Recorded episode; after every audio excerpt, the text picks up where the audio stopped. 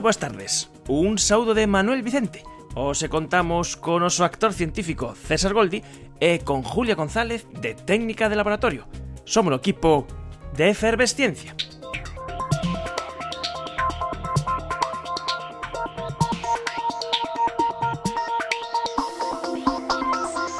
Non hai nada máis práctico que unha boa teoría. Isto dixo Leonid Brezhnev. Nestes 50 e poucos minutos de radio buscaremos enerxía escura, cartografiaremos o universo, coñeceremos a neurociencia máis actual, pero tamén iremos de excursión xeolóxica e observaremos un tránsito planetario, teoría e práctica nun xusto equilibrio. Benvidos á efervesciencia, hai outros mundos, pero están neste. Efervesciencia. Doses de ciencias en contraindicacións Patrocinado pola FECIT, Fundación Española para a Ciencia e a Tecnoloxía, Ministerio de Economía e Competitividade, unha colaboración da Universidade de Santiago e a Radio Galega. ¿Por qué tenemos un libro de geología? ¿Qué tiene de malo la geología? A ver si así lo entiendes, Penny. ¿Te acuerdas cuando me explicaste que las Kardashian no son famosas de verdad? Pues la geología es la Kardashian de las ciencias. A semana pasada coñecemos en efervescencia, grazas ao informe sobre a divulgación en Galicia do Consello da Cultura Galega, que a finais do século XIX e principios do XX apareceu na nosa terra un movimento de excursionismo científico. Precisamente queremos presentarvos unha actividade que se vai desenvolver nas catro provincias galegas e en toda España a vindeira fin de semana do 7 e 8 de maio e que vai levar a centos de persoas ao campo. Trátase do Xeolodía 2016. O Xeología é unha iniciativa que partiu da Sociedade Geológica de España coa idea un pouquiño de achegar o que é a xeoloxía á sociedade. Francisco Canosa, xeólogo pois foi unha iniciativa que inicialmente se fixo só na provincia de Teruel, penso que foi no 2006, se non me falla a memoria. E a raíz diso, despois se foron unindo outras provincias españolas e xa leva eh, bastantes anos, eh, como cinco ou seis anos, na que xa se fai en prácticamente en todas as provincias españolas. Penso que é o mellor escaparate que temos e os xeólogos para que a xente coñeza un pouco máis da xeoloxía sempre a nivel divulgativo. O Xeolodía é unha iniciativa de divulgación da xeoloxía mediante excursións gratuitas e abertas ao campo guiadas por xeólogos. O Xeolodía está coordinado pola Sociedade Geológica de España con financiamento da Fundación Española para a Ciencia e a Tecnoloxía, FECIT.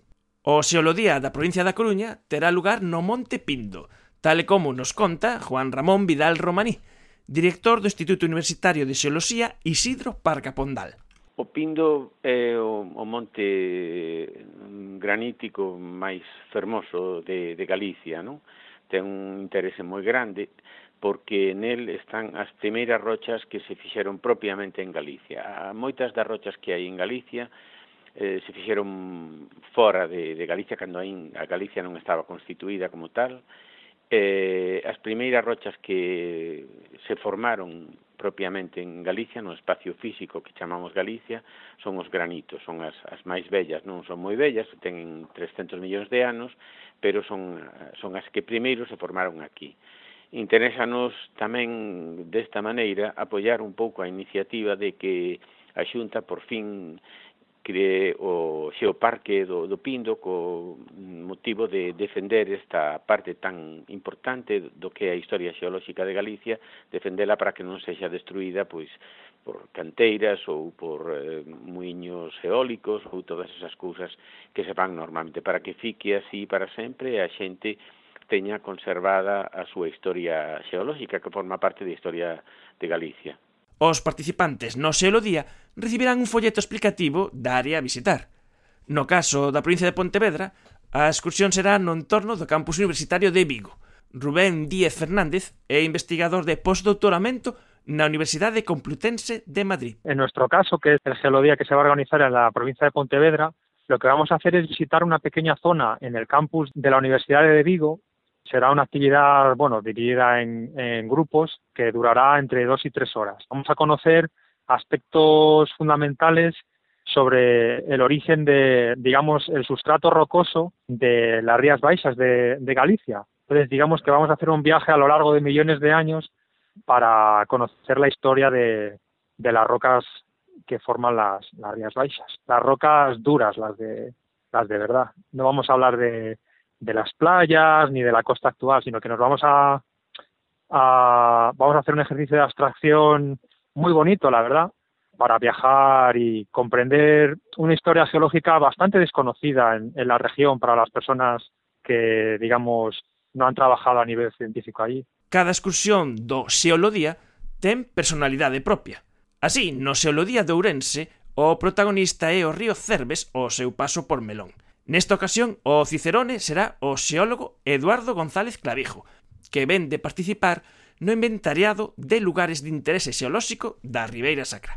El Gelodía de Orense de este año va a ser en, en las Pozas de Melón. Es una zona llena de cascadas y de salto de agua muy conocida por la, por la gente de Orense. Y el objetivo es un poco explicar el, el por qué se han generado ese paisaje tan bonito, esas, esa serie de cascadas, tan impresionantes. Eh, un poco entender por qué el río se ha visto forzado a realizar esos saltos, por qué están en esos lugares esos, esos saltos y cómo el río erosiona de una forma diferente según atraviesa unos materiales o, o atraviesa otros.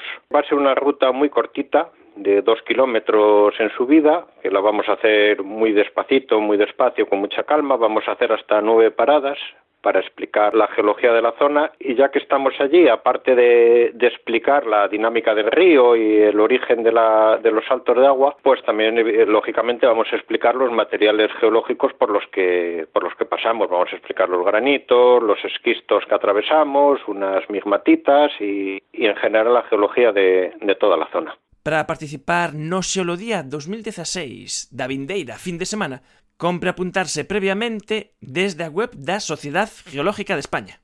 Iso sí, hai que andar rápido porque as prazas voan.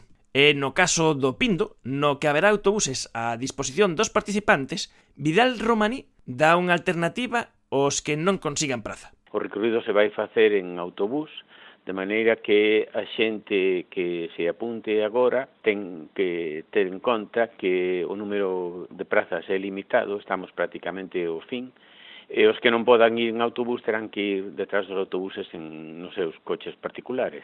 E para rematar este anticipo do Xeolodía en Galicia, escoitamos o doutor en Xeoloxía Francisco Canosa, que guiará os excursionistas polas praias de Fonsagrada. E non estamos a dicir ningunha barbaridade, porque con ollos de xeólogo a Fonsagrada está chea de praias e arrecifes do Paleozoico. Co xeolodía, a xeoloxía sai do armario. A ver, no caso do de Xolodea Fonsagrada, pois o que se vai facer é un percorrido ao longo de todo o día por distintas partes do Concello. Na mañán, pois, eh, visitaremos a zona de onde se atopa a Seimeira de Vilagocende, eh, a pena do inferno e eh, a zona de eh, a Fornaza. E, bueno, que a idea un poquinho de que vexan como eran as praias e os arrecifes que existían aquí en Galicia fai máis de máis de 500 millóns de anos. Entón, bueno, a moita xente probablemente non, non sepa que Galicia naquel momento se atopaba pois moi próximo ás á actual posición da Antártida. Entón, bueno, ás veces pois é como facer unha viaxe no tempo, non? E depois xa pola tarde faremos xa un percorrido pois pola zona do val de, da Pobra de, de Burón, e nos chegaremos tamén ata, ata Vilardías, onde se atopan sobre todo pois, afloramentos que permiten ver eses, eses arrecifes que, que tivemos en Galicia foi moitos millóns de anos. A Andy le encantaba la geología. Supongo que encajaba con su naturaleza meticulosa. Para él, el tiempo transcurría despacio, como en la era glacial. La geología es el estudio de la presión y del tiempo. Y de hecho, eso es lo único que hace falta. Presión y tiempo. Eso y un póster bien grande.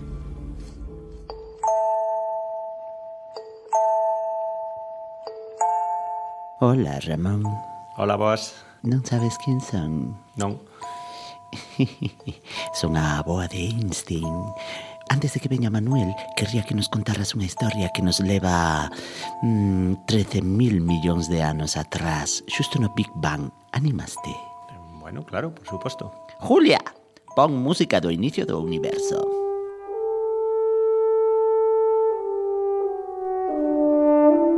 Neste noso universo hai moito, moito tempo, toda materia e a enerxía estaba concentrada nun punto infinitamente pequeno.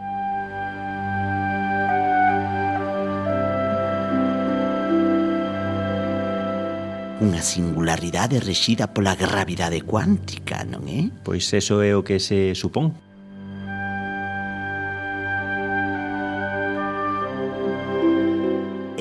lapso de 10 elevado a menos 35 segundos, o universo aumentou o seu tamaño de forma exponencial, a inflación.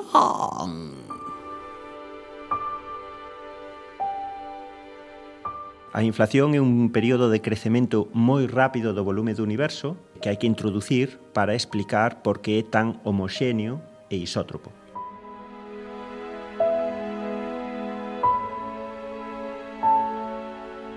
Temos agora unha sopa quente e escurra de quarks e gluons. Debería estar moi quente. As temperaturas serían de millóns e millóns de grados.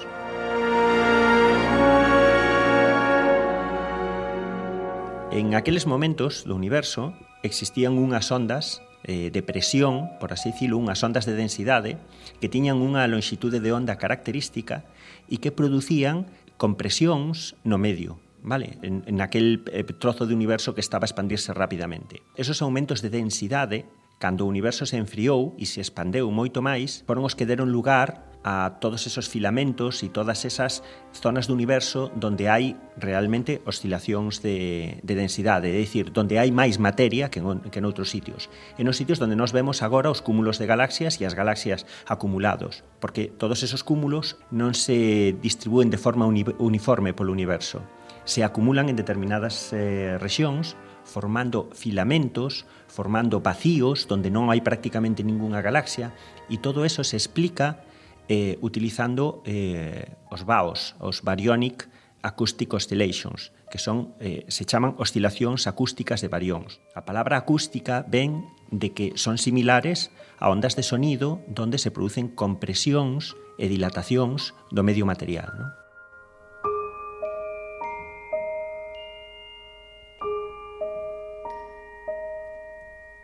A luz apareceu cando o universo tiña a tenra idade de 380.000 anos.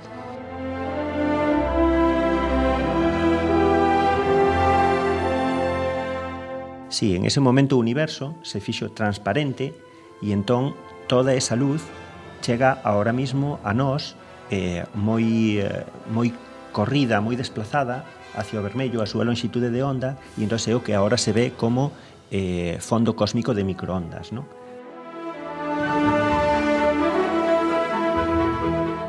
E finalmente, estamos aquí no supercúmulo de la Niaquea, no cúmulo de Virgo, na Vía Láctea, no Sistema Solar, no planeta Terra, nos estudos de efervesciencia, falando do universo.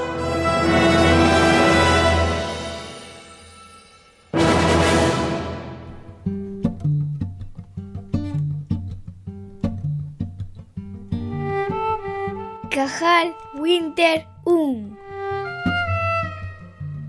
Me llamo José Abad Rodríguez y trabajo en el Hospital Nacional de Parapléjicos.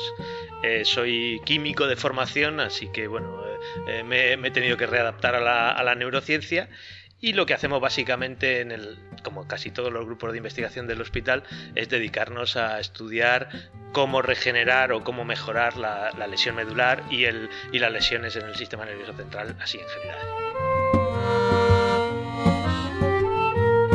Nuestro caso, nosotros lo que estudiamos es la membrana de las neuronas y cómo la organización de esa membrana se ve afectada cuando hay una lesión en la médula o bien en, o en el cerebro, que al fin y al cabo la, estructura de las neuronas es bastante similar y, los efectos que tiene una lesión sobre la, membrana, como te digo, son más o menos equivalentes, entonces se puede estudiar en, en los, dos, eh, en los dos sistemas, tanto en el cerebro como en la médula espinal. Lo que estamos intentando ver es cómo reparar la organización de la membrana de las, eh, de las neuronas, sobre todo de los axones, para que estos axones vuelvan a crecer después de que se rompen. Esto implica desde trabajar con distintos tipos de moléculas como pueden ser los, los lípidos que componen la membrana, muchas proteínas eh, que, que, se ven afectadas con estas, eh, con estas lesiones y sobre todo algo de lo que voy a hablar en estas, en estas jornadas, que es la importancia de los azúcares que decoran alguna de estas proteínas que están en la membrana y que queremos manipular para precisamente conseguir nuestros, nuestros objetivos, que son reparar esa membrana en, en general.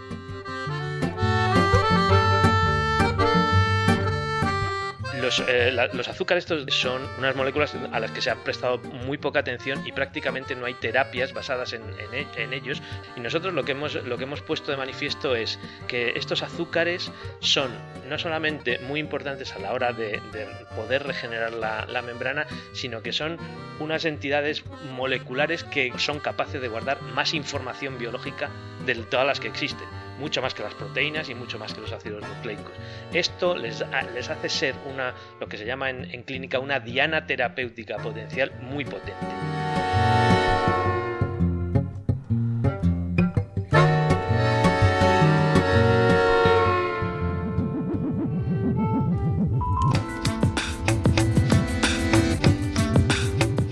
tempo da conversa desta tarde eh, contamos con Ramón Iglesias Marzoa, que é astrónomo técnico no Observatorio Astrofísico de Jabalambre, en Teruel, do Centro de Estudos de Física do Cosmos de Aragón.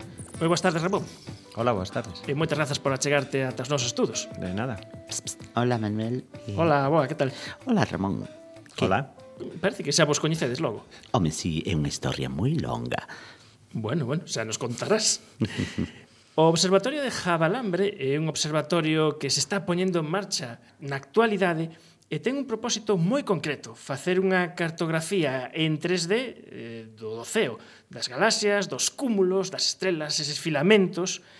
Para que queremos unha cartografía 3D tan detallada? Que o que se quere conseguir? O xeto é facer cosmoloxía. É dicir, queremos saber como foi o universo, como é agora e como vai a ser no futuro. Para eso, o que necesitamos saber é cales son as cantidades de materia que hai no universo, cales son as cantidades de enerxía oscura que hai no universo e eh, necesitamos saber que, que relación engardan esas propiedades con as propiedades que nos medimos actualmente, co cantidade de materia, coa constante de Hubble, cos parámetros que nos podemos medir agora mesmo no universo. Uh -huh. E con este mapa tan detallado, podemos facer esta fotografía do universo agora aplicando metodoloxía física, volver cara atrás, volver cara a esos estados iniciais do, da orixe do universo e poder axustar e poder meter nas fórmulas eh, estos datos para obter precisamente estes valores, estes valores de enerxía escura, materia escura, e, eh, e saber como dun principio de algo que era, estaba, que era moi homoxéneo saliu un universo que ten galaxias, ten estrelas, pero tamén moitas zonas nas que eh, non hai materia ordinaria en estas cantidades. Exactamente. A cuestión é que, medindo os tamaños desas zonas vacías e medindo as distancias características que hai entre esos filamentos, entre os cúmulos das galaxias, eh, podemos obter información acerca da longitude de onda da, do que se chaman as oscilacións acústicas de barións, non? que eh, é un fenómeno que se produciu nos primeiros instantes do universo e que garda relación directa coa cantidade de enerxía oscura que hai no universo. Agora só podemos eh, facer suposicións acerca da cantidade de enerxía escura que hai no universo eh, utilizando observando supernovas eh, a grandes distancias eh, tamén o satélite Planck obtuvo algúns resultados ahora eh, acerca de eso pero eh, hai que comprobar todos esos datos todos esos resultados utilizando métodos alternativos e un deles é eh, as oscilacións acústicas de barións que nos van a dar información dunha, duns parámetros que se chama ecuación de, eh, de estado do universo. Non? A enerxía escura é un concepto que os cosmólogos veñen de incorporar bastante recentemente porque sabíamos que o universo se expandía, pero que sabemos agora, de hai un par de, de, de décadas apenas, é que este universo se expande cada vez máis aceleradamente, cada vez máis rápido. E iso é porque hai unha enerxía que está turrando de aí, que está tirando e que nos dá unha composición eh, do universo na que só coñecemos apenas un 4, un 5% de materia ordinaria hai un 27% de materia escura, unha materia eh, que, que sabemos que está aí, pero que non interacciona coa luz, e logo temos esta enerxía, esta enerxía escura, porque é escura, porque non sabemos o que é, que é eh, algo que hai moitas aproximacións de que pode ser, pero aínda eh, a comunidade científica non sabe que hai atrás desto. Exactamente. Os astrónomos somos un pouco raros no sentido de que cando non sabemos algo lle poñemos a palabra dark detrás, non? Sí. É dicir, eh, algo é oscuro. Cando se descubreu que faltaba materia nas galaxias, se lle empezou a chamar eh, materia oscura. Ca ahora que sabemos que nos falta enerxía no universo, lle chamamos enerxía oscura, non? Entón, non hai ni idea mm, de que, de que pode ser eso que contribúe con enerxía a, a ese universo, a esa enerxía que falta, non? eh, entonces lle chama enerxía oscura. Non se sabe o que é. O que sí se sabe é que ten que ter unha determinada cantidade, eh? ten que haber unha determinada cantidade deso para explicar por que as supernovas que se observan en galaxias lonxanas eh, para explicar por que esas galaxias se están alonxando de nós cada vez máis rápido. Entonces, é unha forma de medir a cantidade de enerxía oscura. Outra forma é eh, medir cal é a frecuencia espacial de aparición, é dicir, a que distancias típicas se forman os cúmulos das galaxias dentro do universo, a través do que se chama as oscilacións acústicas de barións. Eso que estamos facendo no Observatorio Astrofísico de Jabalambre. E, e hai que dicir que esta idea da comunidade científica de cuantificar eh, a enerxía oscura eh, ten varios proxectos, varias aproximacións eh, en esta carreira científica eh, Jabalambre parte cun presuposto moi modesto comparado con outros grandes proxectos pero sí o que ten unha aproximación orixinal para resolver este problema. Eh, de feito, eh, o que queredes facer eh, nesta eh, cartografía é eh, facer algo que ninguén, unha metodoloxía que ninguén empregou antes previamente. Exactamente, isto é unha aproximación nova que consiste basicamente en en vez de ir galaxia a galaxia facendo un espectro para calcular o seu corremento roxo e medir a que distancia está, para calcular, por así decirlo, a, a terceira dimensión, a distancia en z, o que nos vamos a facer é facer fotometría utilizando filtros moi estreitiños en un montón de filtros, de forma que en cada filtro, con cada filtro collemos un punto eh, de ese espectro de baixa de resolución pero como temos un campo eh, moi grande, os nosos telescopios teñen un campo moi grande, o que podemos facer é de unha sola imaxe extraer o espectro de eh, centos, miles, eh, milleiros de galaxias, non? É dicir, eh, solo de, un, de unha, con unha sola imaxen. E ademais, como todo o que ven a rede de peixe, non só vamos a estar tomando espectros de esas galaxias, sino que tamén vamos a estar tomando imaxes de todo o que haxa no campo. Estrelas, asteroides, obxetos transneptunianos, todo o que no futuro pase por aí, eh, estamos sacando espectros deso. Mira, Ramón, eu teño entendido que o Hubble e outros telescopios son como teleobxectivos xigantes que teñen unha gran resolución, pero que recollen unha parte moi pequena da foto. E pola contra, o observatorio de Jabalambre é como un gran angular e de cada clip captura unha área moito máis grande que os outros telescopios, non é?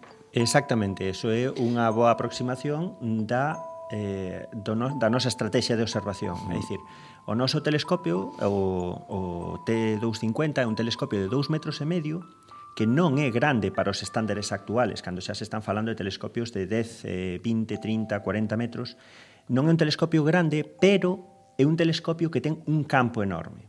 É dicir, temos un campo de 2 grados que eso é, para os estándares astronómicos actuales, un, eh, un dos telescopios co maior campo do mundo. No? Entón, É como si eh, non, en ese aspecto non somos selectivos. Vamos a facer imaxes de 2 grados onde caberían oito lúas cheas de oito cada lúas. Oito, en cada lado. É dicir, 8 por 8, 16 lúas cheas nos caberían dentro de cada imaxe co telescopio eh, co T250. No? E aí tedes que ter un sensor eh, moi grande, porque para capturar toda esa área tedes que ter un gran sensor. Sí, temos un plano focal tan grande que non podemos cubrilo, ahora mismo non hai un sensor, non hai un microchip de imaxen que sea capaz de cubrir todo ese campo. Entón, o que facemos é coller os sensores máis grandes que hai actualmente eh, ahora mismo, que fabrica a industria, que son uns sensores de I2B, de 9200 por 9200 píxeles e poñer facer un mosaico con esos sensores. Entón, no plano focal do telescopio de T250 se van a poñer 14 de esos sensores. É dicir, teríamos 9200 por 9200 por 14 píxeles en cada fotografía, que serían non sei se un con 5 gigapíxeles ou unha así. Sería a cámara de fotos con máis gigapíxeles que hai ahora mismo sobre a Terra. A maior cámara de fotos eh, da Terra está en Jabalambre, en Teruel. E ademais, para facer todo este traballo, realmente tedes dous telescopios. Ese eh, telescopio principal, que é o que vai facer eh, todas estas megafotografías, fotografías pero necesitades ter previamente unha referencia de, de estrelas de todo o campo, dese, colleredes, supoño que medio hemisferio celeste, e teredes que ter unhas, unha rede de estrelas que vos sirvan de referencia que se sean a vosa regla de medir, como isto? Exactamente. Nos o que imos a facer é un, corta, un cartografiado de todo o hemisferio norte celeste utilizando o telescopio grande. E en ese cartografiado no, nos o que temos que medir é a luz de todas esas galaxias que hai por aí. Pero nós para eso necesitamos ter unhas fontes de referencia, non? Por así decilo, necesitamos unha regla para medir. Esa regla para medir son van a ser un montón de estrelas que van a, a coincidir no campo desos microchips. Esas estrelas hai que calibralas previamente, é dicir, necesitamos fabricar a regla coa que medir toda esa luz. Entón, esa regla hai que fabricala calibrando esas estrelas con outro telescopio. Entón, hai que facer un cartografiado previo que vai a ser máis corto e se vai a facer cun telescopio máis pequeno, que, se, que é o T80. No? Ese telescopio o que vai a facer é establecer con, con precisión esa regla para medir luz que nós vamos a empregar dispois co telescopio grande. Mira, debe ser super emocionante participar na posta en marcha dun proxecto como este que está arrancando nestes momentos. En concreto, que fai ali un gótico, como di? Sí, bueno... Eh... Que un gótico. ah, cousas que que eh, o por aí. Nós temos ali eh, un acrónimo para designar a xente que traballa de noite que é GOT, Grupo de Operacións Telescópicas, e como en Aragón pois todo acaban en ICO, pois nos, nos chamamos os góticos, non? E facemos xogo de palabras porque somos o que traballamos de noite e vemos pouco a luz do sol. O nome ben a caído. Exactamente. Básicamente hai operadores e astrónomos técnicos que se encargan de facer as observacións e somos os que traballamos de noite operando os telescopios, eh, Eh, e poñendo en marcha todo, porque es, exactamente. Tedes que calibrar, o sea, o, pro, o proceso de mm, fabricación, ensamblase, calibración eh, do telescopio ten que ser un período moi intenso, moi apaixonante, non? Que todos os suministros eh, cumplan os requisitos técnicos, facer todos a clases de, de test, de, de probas, é un proceso eh, longo, eh, non sei se isto de paso a paso. Exactamente, non se pode pasar a un paso se si previamente non aseguraches que o paso anterior funciona. Hai que ir pasiño a pasiño, non?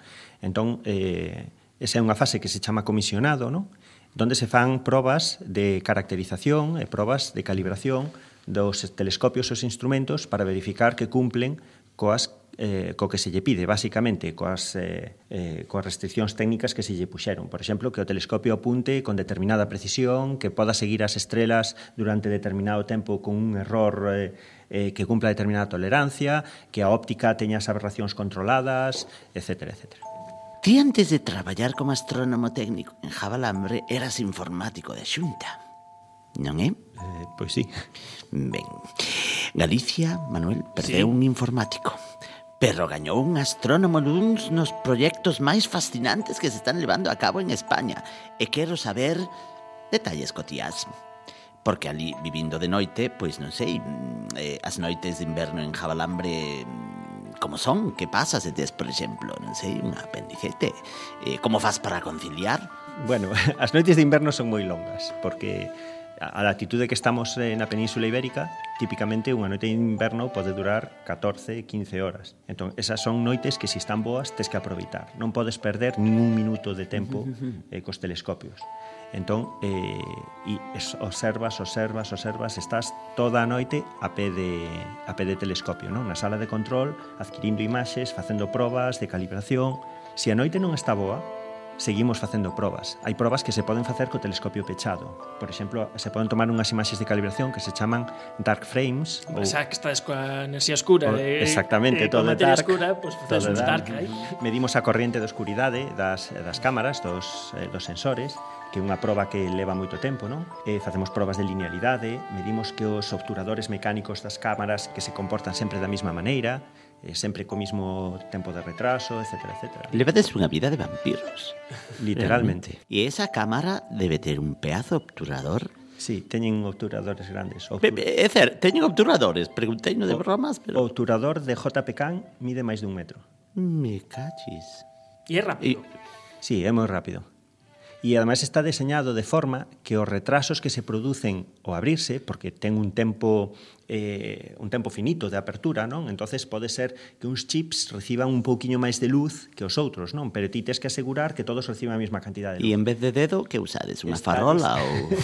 está diseñado de forma que ese retraso é igual uh -huh. para todos os chips. É dicir, se sí, primeiro sí. o obturador se abre nunha dirección, dispois se cerra seguindo esa dirección para que os chips que recibiron máis luz dispois sexan os que reciben menos luz. E se tes un ataque de apendicite, por exemplo, Bueno, esperemos que non. A la arriba. Pero, a la pero arriba. terían que evacuarnos, obviamente. Sí.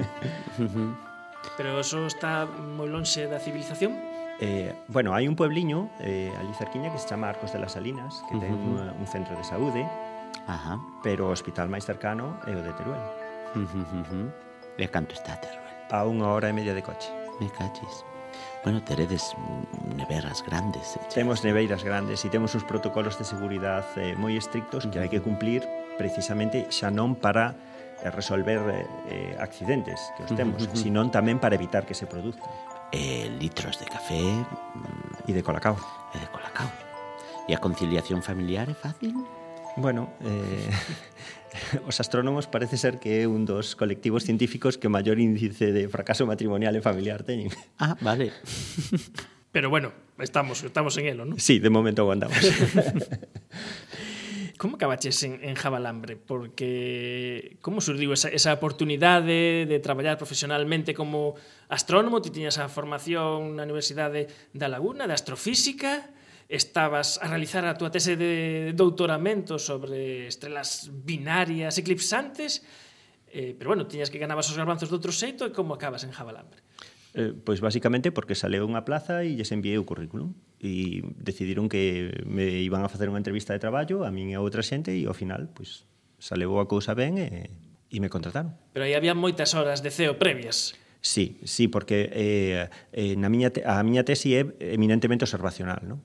Observar binarias non é facerlle unha foto á estrela e despois xa se acabou. Botas noites e noites e noites hasta conseguir a curva de luz. Entón, todas esas noites implica ao final unha experiencia de observación moi importante e o valoraron ali. Estas binarias, eh, para observalas, facedes observación como os exoplanetas, cando pasa unha diante de outra e hai un baixón de luz, eso que queredes medir. Eso é exactamente o mismo que os exoplanetas, é máis. Casi todos os astrónomos que agora traballan, traballan en exoplanetas están utilizando as técnicas que se utilizan para observar estrelas binarias con eclipses. Non? Cando unha estrela pasa por diante de outra, se produce unha baixada da luz da mesma maneira que se produce cando un exoplaneta pasa por diante da súa estrela. O que pasa é que os exoplanetas son eh, ocupan un, un trozo da, da esfera da estrela moito máis pequeno. E entón, esas caídas de luz son moito máis débiles. Hai que facer fotometría de alta precisión. Non? No caso das binarias, moitas veces non fai falta ter tanta precisión, pero a técnica que se, fa, que se utiliza é a mesma. E para medir as velocidades radiales da órbita tamén se utilizan espectrógrafos da mesma maneira que cos exoplanetas. As técnicas son basicamente as mesmas. Esa é unha última cousa. En Jabalambre, ademais deste observatorio astrofísico para estudar a enerxía escura e facer esta cartografía impresionante do, do noso universo, eh, tamén pensouse en que a xente lle pode interesar eh, facer astronomía, saber o que hai aí, visitar o sitio, está facendo eh, en paralelo tamén un centro de atención pois, os visitantes e os turistas tamén.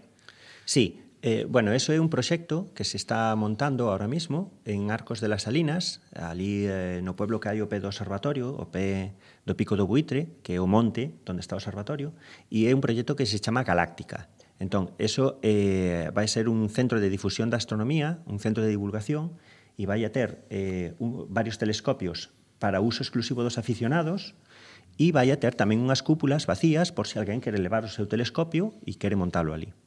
Unha boa idea para popularizar a astronomía e aproveitar este tirón que seguro que vai ter o Observatorio Astrofísico de Jabalambre, en Teruel, do Centro de Estudos de Física do, do Cosmos do Aragón, onde traballa como astrónomo técnico o noso convidado desta tarde, Ramón Iglesias Marzoa.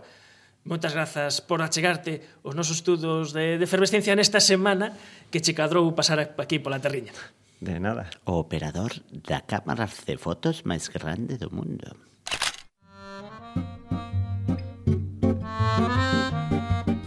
Mi nombre es Javier Mínguez, yo soy profesor titular de la Universidad de Zaragoza y soy también cofundador de una empresa de neurotecnología y neurociencia que se llama Vitrain Technologies. Cajal Winter Dogs. Nosotros como, como, bueno, pues venimos obviamente de la universidad y nuestro trabajo es bueno, pues generar conocimiento en neurociencia y después obviamente tra transferirlo. De manera que una parte importante de nuestro trabajo en la spin-off es crear ese producto y obviamente de alguna forma avalarlo científicamente. Lo que nosotros hacemos es que esta tecnología, esta neurotecnología lo que permite es eh, de alguna forma utilizar o ver algunos anuncios, ponerlos, mientras pues, potenciales consumidores los visualizan y de alguna forma pues identificar qué partes están generando más emoción o menos emoción, qué parte están generando, captando más atención y a cuáles de aquellos anuncios que se diseñan, de forma que los recordemos un poquito más. De alguna forma que al final del día ayudamos a las marcas a optimizar más la publicidad o ese tipo de información.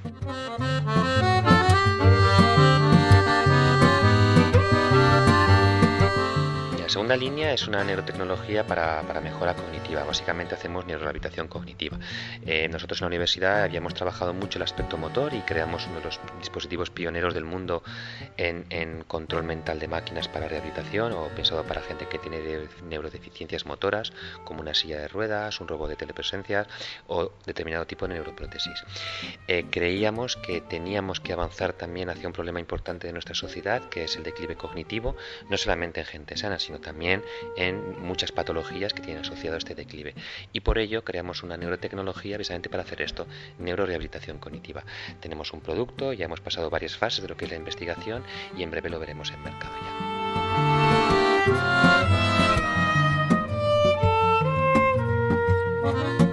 Es una tecnología que tú te pondrías con unos poquitos sensorcitos en la cabeza que lo único que harían es registrar la actividad de tu cerebro cuando tú estás haciendo ciertas tareas.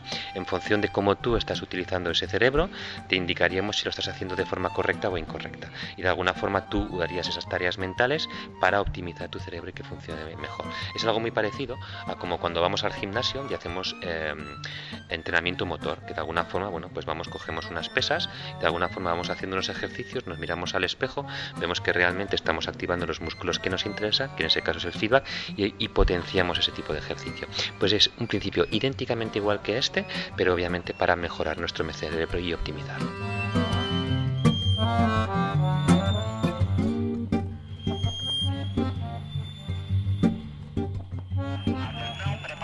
Agora para a separação do primeiro estágio.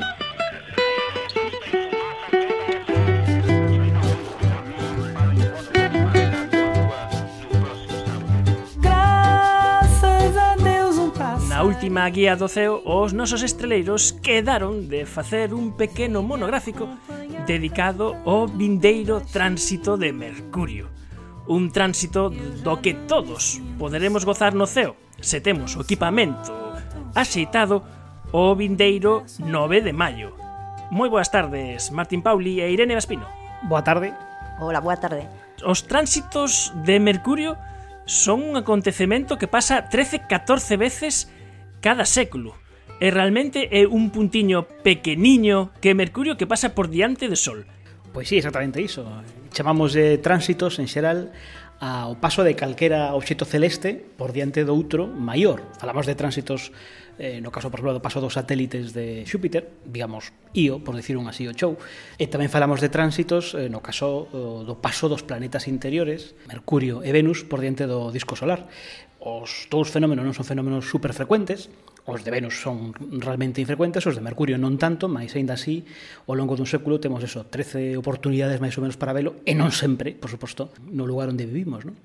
este vindeiro tránsito de Mercurio, a sorte que temos é que ímolo ver completo, se vai poder ver dende a península ibérica, se o tempo acompaña, que é precisamente sempre o que pasa, E, e quizáis este sexa unha efeméride eh, que é xusto contrario que un eclipse a nivel de espectacularidade. Eh, digamos que isto mm, para a xente que este na, nas rúas non o vai a detectar, non mm, é tan pequeniño esa motiña de, de, de pó que vai ser no Sol eh, Mercurio, que só imos poder ver con equipamento axeitado e ademais con paciencia, porque é un tránsito que vai levar as súas horas. Pois sí, efectivamente vai, vai ser moi pequeno. Por exemplo, un eclipse total de lúa eh, sería tamén o mesmo o feito de que a lúa pasa por diante do sol, sería como un tránsito da lúa por diante do sol, pero dadas as distancias da lúa e do sol con respecto A Terra e dados os tamaños, pois a Lúa pode chegar, no caso de Cristo tal, a cubrir completamente o Sol, facendo que sexa un espectáculo, pois, bueno, pois eso, moi espectacular, non valga a redundancia. Mas no caso de Mercurio temos que ter en conta que na data concreta eh, na que se vai a producir este tránsito, eh, Mercurio se atopa a 83 millóns de, de kilómetros da Terra, un pouco, un pouco máis, e a súa vez de Mercurio ao Sol quedarían algo máis de 67 millóns de, de kilómetros. Non? Esta distancia a que, a que nos atopamos vai, vai a facer que Mercurio sexa un puntiño minúsculo atravesando o sol, o sea, tan minúsculo como que normalmente nestes casos se fala de segundos de arco, non? En canto ao diámetro do obxeto en cuestión, neste caso serían o diámetro de, de Mercurio aparente dende a Terra de 12 segundos de arco, o cal quere decir un 0,6% do tamaño do Sol, o que é o mesmo o Sol se vería 158 veces máis grande que, que Mercurio, vamos. De feito, aí probablemente o problema eh, sexa diferenciar o que é Mercurio de o que pode ser unha mancha solar. Pois eh, Realmente non é tan difícil a, a diferenza porque as manchas solares teñen formas máis irregulares, Mercurio, Mercurio vai ser un puntiño moi pequeno, máis eh, perfectamente redondo, non? Eh, perfectamente circular, eh, e ademais Mercurio se vai mover moito máis rápido que as manchas solares. Non? As manchas solares están fixas sobre a superficie do Sol e xiran pola propia rotación da, da estrela, mentras que Mercurio vai pasar velozmente eh, diante do disco solar. Velozmente quere decir que vai a tardar en atravesalo sete horas, así que realmente para sete ser... horas para ser conscientes do movimento de Mercurio imos ter que esperar uns cantos minutos. Que mire, que vexa o, o puntiño un par de minutos ao sol vai no ver completamente quieto, en canto uh -huh. a tamaño, outra comparación, probablemente algúns dos ointes eh, recorden o, o tránsito de Venus de hai de uns anos, do ano 2004. Venus, por exemplo, está mm, pode chegar a ser observable eh, a simple vista. Ocupa prácticamente un minuto de, de arco o seu diámetro. É moito maior que de Mercurio, co cal non hai ninguna posibilidade de ver a simple vista Mercurio. E necesitamos ferramentas que nos amplíen a imaxe de Mercurio porque, iso, a ollo limpo, ao Iospido, ao ceibe, non, sí, non temos no, nada que facer. Isto quere dicir que calquera que, que teña que, ou que se estea a facer ou se, se quera facer cunhas gafas de observación das que se mercan para observar eclipses especificamente, pensando que vai a poder apreciar con esas gafas, pois pois non, vai a ser completamente imposible, vamos. Entonces, que equipamento se precisa para ver este tránsito de Mercurio? eh, probablemente que sexa un equipamento que supoño que está en mans de, de agrupacións e asociacións astronómicas. Pois en, en efecto, eh, realmente para, para ver o tránsito insisto necesitamos ferramentas que nos amplíen a imaxe do, do planeta sobre o disco solar. Non? Necesitamos un telescopio solar, eh, se que o temos, necesitamos un telescopio eh, o que lle poidamos, o que lle poñamos, por suposto, filtros solares eh, seguros, homologados eh, e de alta calidade, non vale desde logo ningún truco caseiro, insistiremos moito niso ou o mecanismo, digamos, eh, máis seguro para que non teña así moito control e non teña acceso a esas ferramentas é proxectar a imaxe do Sol. De todos xeitos, insisto, recordemos o tamaño. Eh, Mercurio é unha penca sobre, sobre o disco solar que é cinco veces máis pequena do que sería o planeta Venus, non? Co cal é extremadamente pequeno, así que temos unha imaxe un pouco aumentada ou, ou senón un, as sensacións poden ser un pouco frustrantes, quizáis, non? Outra solución, o mellor, pode ser isto, se facemos analoxía ao mellor con ir a ver o ciclismo, que ás veces eh, o ciclismo, claro, na casa vese pola tele moi comodamente, e logo cando ves, vas ver os ciclistas pasan a, a siña, aquí o mellor co tránsito de Mercurio pode acontecer algo semellante, cando agora pensemos que imos ter eh, varios sitios, varias localizacións en internet no que podamos ver streaming precisamente deste tránsito. E ademais, entre os streamings hai un que é especial. Sí, é certo que eh, nestas, eh, nestas ocasións ante acontecimentos astronómicos deste tipo son moitas as páxinas que fan un streaming do, do, do evento, non? Eh, neste caso, creo que a, a, a páxina que ti te refires concretamente é a de Solar Dynamics Observatorio, a SDO, que transmitirá en vivo casi todo o tránsito, e a diferencia de outras retransmisións que se fan desde telescopios que están na Terra, non? Pois o que vai facer de isto que nos dea unha visión moi diferente neste streaming desta páxina web é que eh, a través dun telescopio que está en órbita e que ten filtros en outras bandas de luz, como pode ser ultravioleta, o cal nos vai a permitir pois poder observar outro tipo de de, de detalles, non? De, sobre todo da superficie do sol.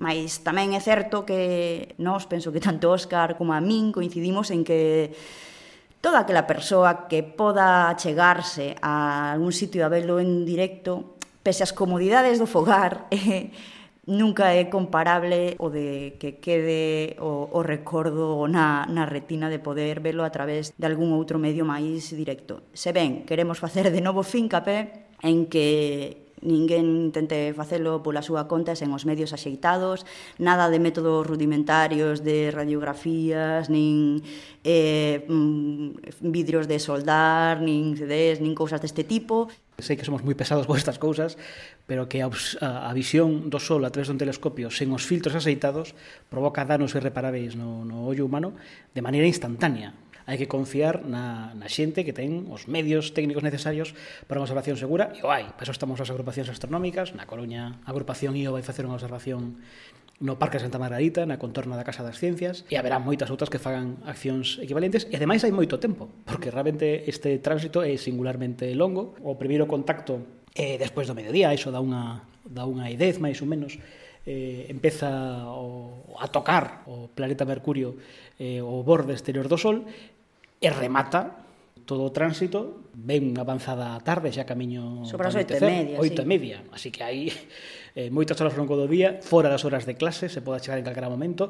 O interesante velo en distintos momentos para apreciar verdadeiramente como Mercurio se foi movendo sobre o disco, pois o razabale pasarse polas zonas nas que estean facendo as observacións públicas e curiosear, curiosear esa experiencia que non se vai repetir ata dentro de bastantes anos, porque inda que decíamos que os, os tránsitos son máis frecuentes que os de Venus, os próximos que nos tocan completo non nos imos poder ver, realmente. O próximo que podemos ver completo vai ser vai haber que esperarse a case até, a, até mediados do, do século. En 2039 un case completo, en 2049 máis para máis seguridade, outro que poderemos ver completo. Os seguintes, os próximos, van cadrar en 2019, eh, o máis inmediato, pero vai ser en novembro, e boa parte do tránsito nos non lo imos perder. Pois apuntamos, ben apuntado, nas nosas axendas este luns 9 de maio, desde aproximadamente a unha do mediodía ata as 8 da tarde, terá lugar nos nosos ceus o paso de Mercurio por diante de Sol. Un, unha motiña de pó, o tránsito de Mercurio, que se nos juntamos ás agrupacións, asociacións astronómicas galegas, poderemos ter unha boa sesión de astronomía, de astronomía social que é a que máis nos presta. Martín Pauli, Irene Vaspino, moitas grazas por adiantarnos o que vai pasar nos ceos con este tránsito. Como sempre, a cruzar os dedos para que a meteoroloxía acompañe confiemos en que o sol nos trate ben ese día e podamos reproducir experiencias que antes que nos fixeron grandes astrónomos ao longo da historia, entre eles o noso Ramón María ayer, que no ano 1907 observou un tránsito de Mercurio. Podemos facer a experiencia de imitar o que fixo o noso astrónomo de referencia en Galicia.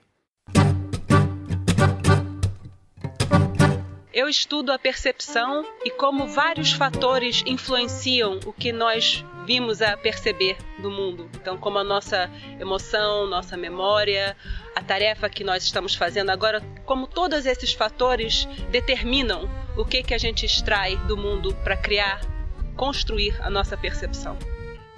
E Cajal Winter 3. Eu me chamo Kia Nobre, eu sou uma professora na Universidade de Oxford e eu sou uma neurocientista, estudo cognição.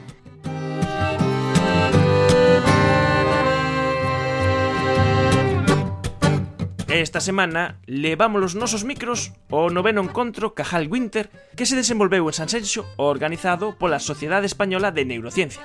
Nestas tres pílulas efervescentes pudemos coñecer na voz dos seus protagonistas unha mostra dos últimos avances no coñecemento do noso cerebro.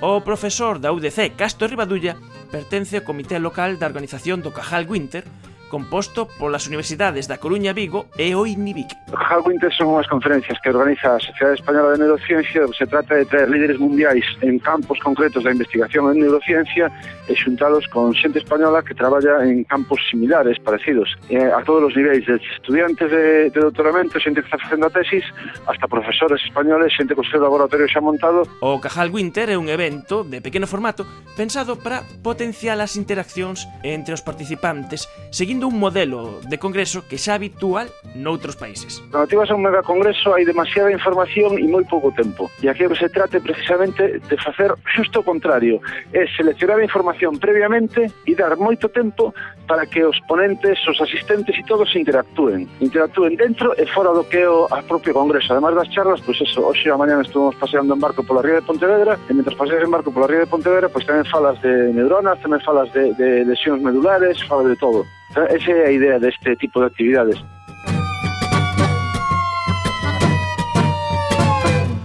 Unha das participantes deste encontro en San Senso foi a brasileira Kia Nobre, referencia mundial en neurociencia cognitiva e directora en Oxford do Departamento de Actividade Cerebral Humana. O que nos contou o pé da praia de Silgar deixounos abraiados. Gris, gris, gris, gris, materia.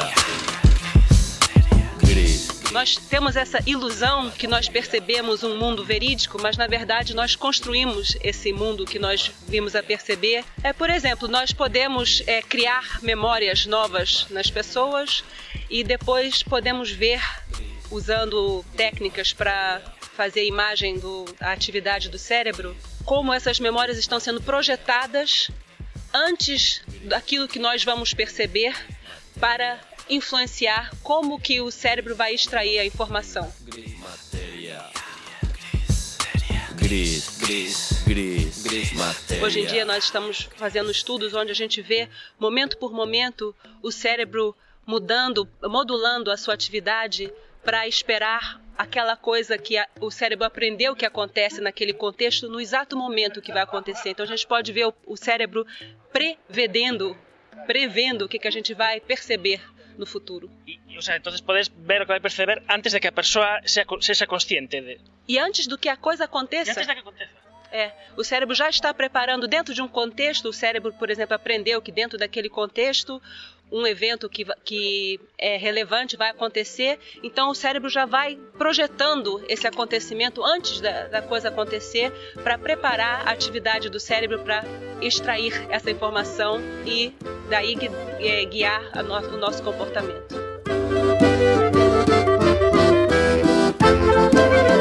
A bofé que estas xornadas levan moi merecidamente o nome do máis grande neurocientífico español na súa denominación, Cajal Winter. Goodbye, machiño. Ata do morro. Efervesciencia. Patrocinado pola FECIT, Fundación Española para a Ciencia e a Tecnoloxía, Ministerio de Economía e Competitividade, unha colaboración da Universidade de Santiago e a Radio Galega. Antes de despedirmonos, queremos contarvos que o vindeiro sábado ás 5 da tarde na sede da Fundación Barrié de Vigo terá lugar o acto de entrega dos premios Ciencia que Conta. E ali estaremos a tropa de efervesciencia, grabando o programa cara ao público. Se queres coñecer en persoa a boa de Einstein, non deixes de acompañarnos.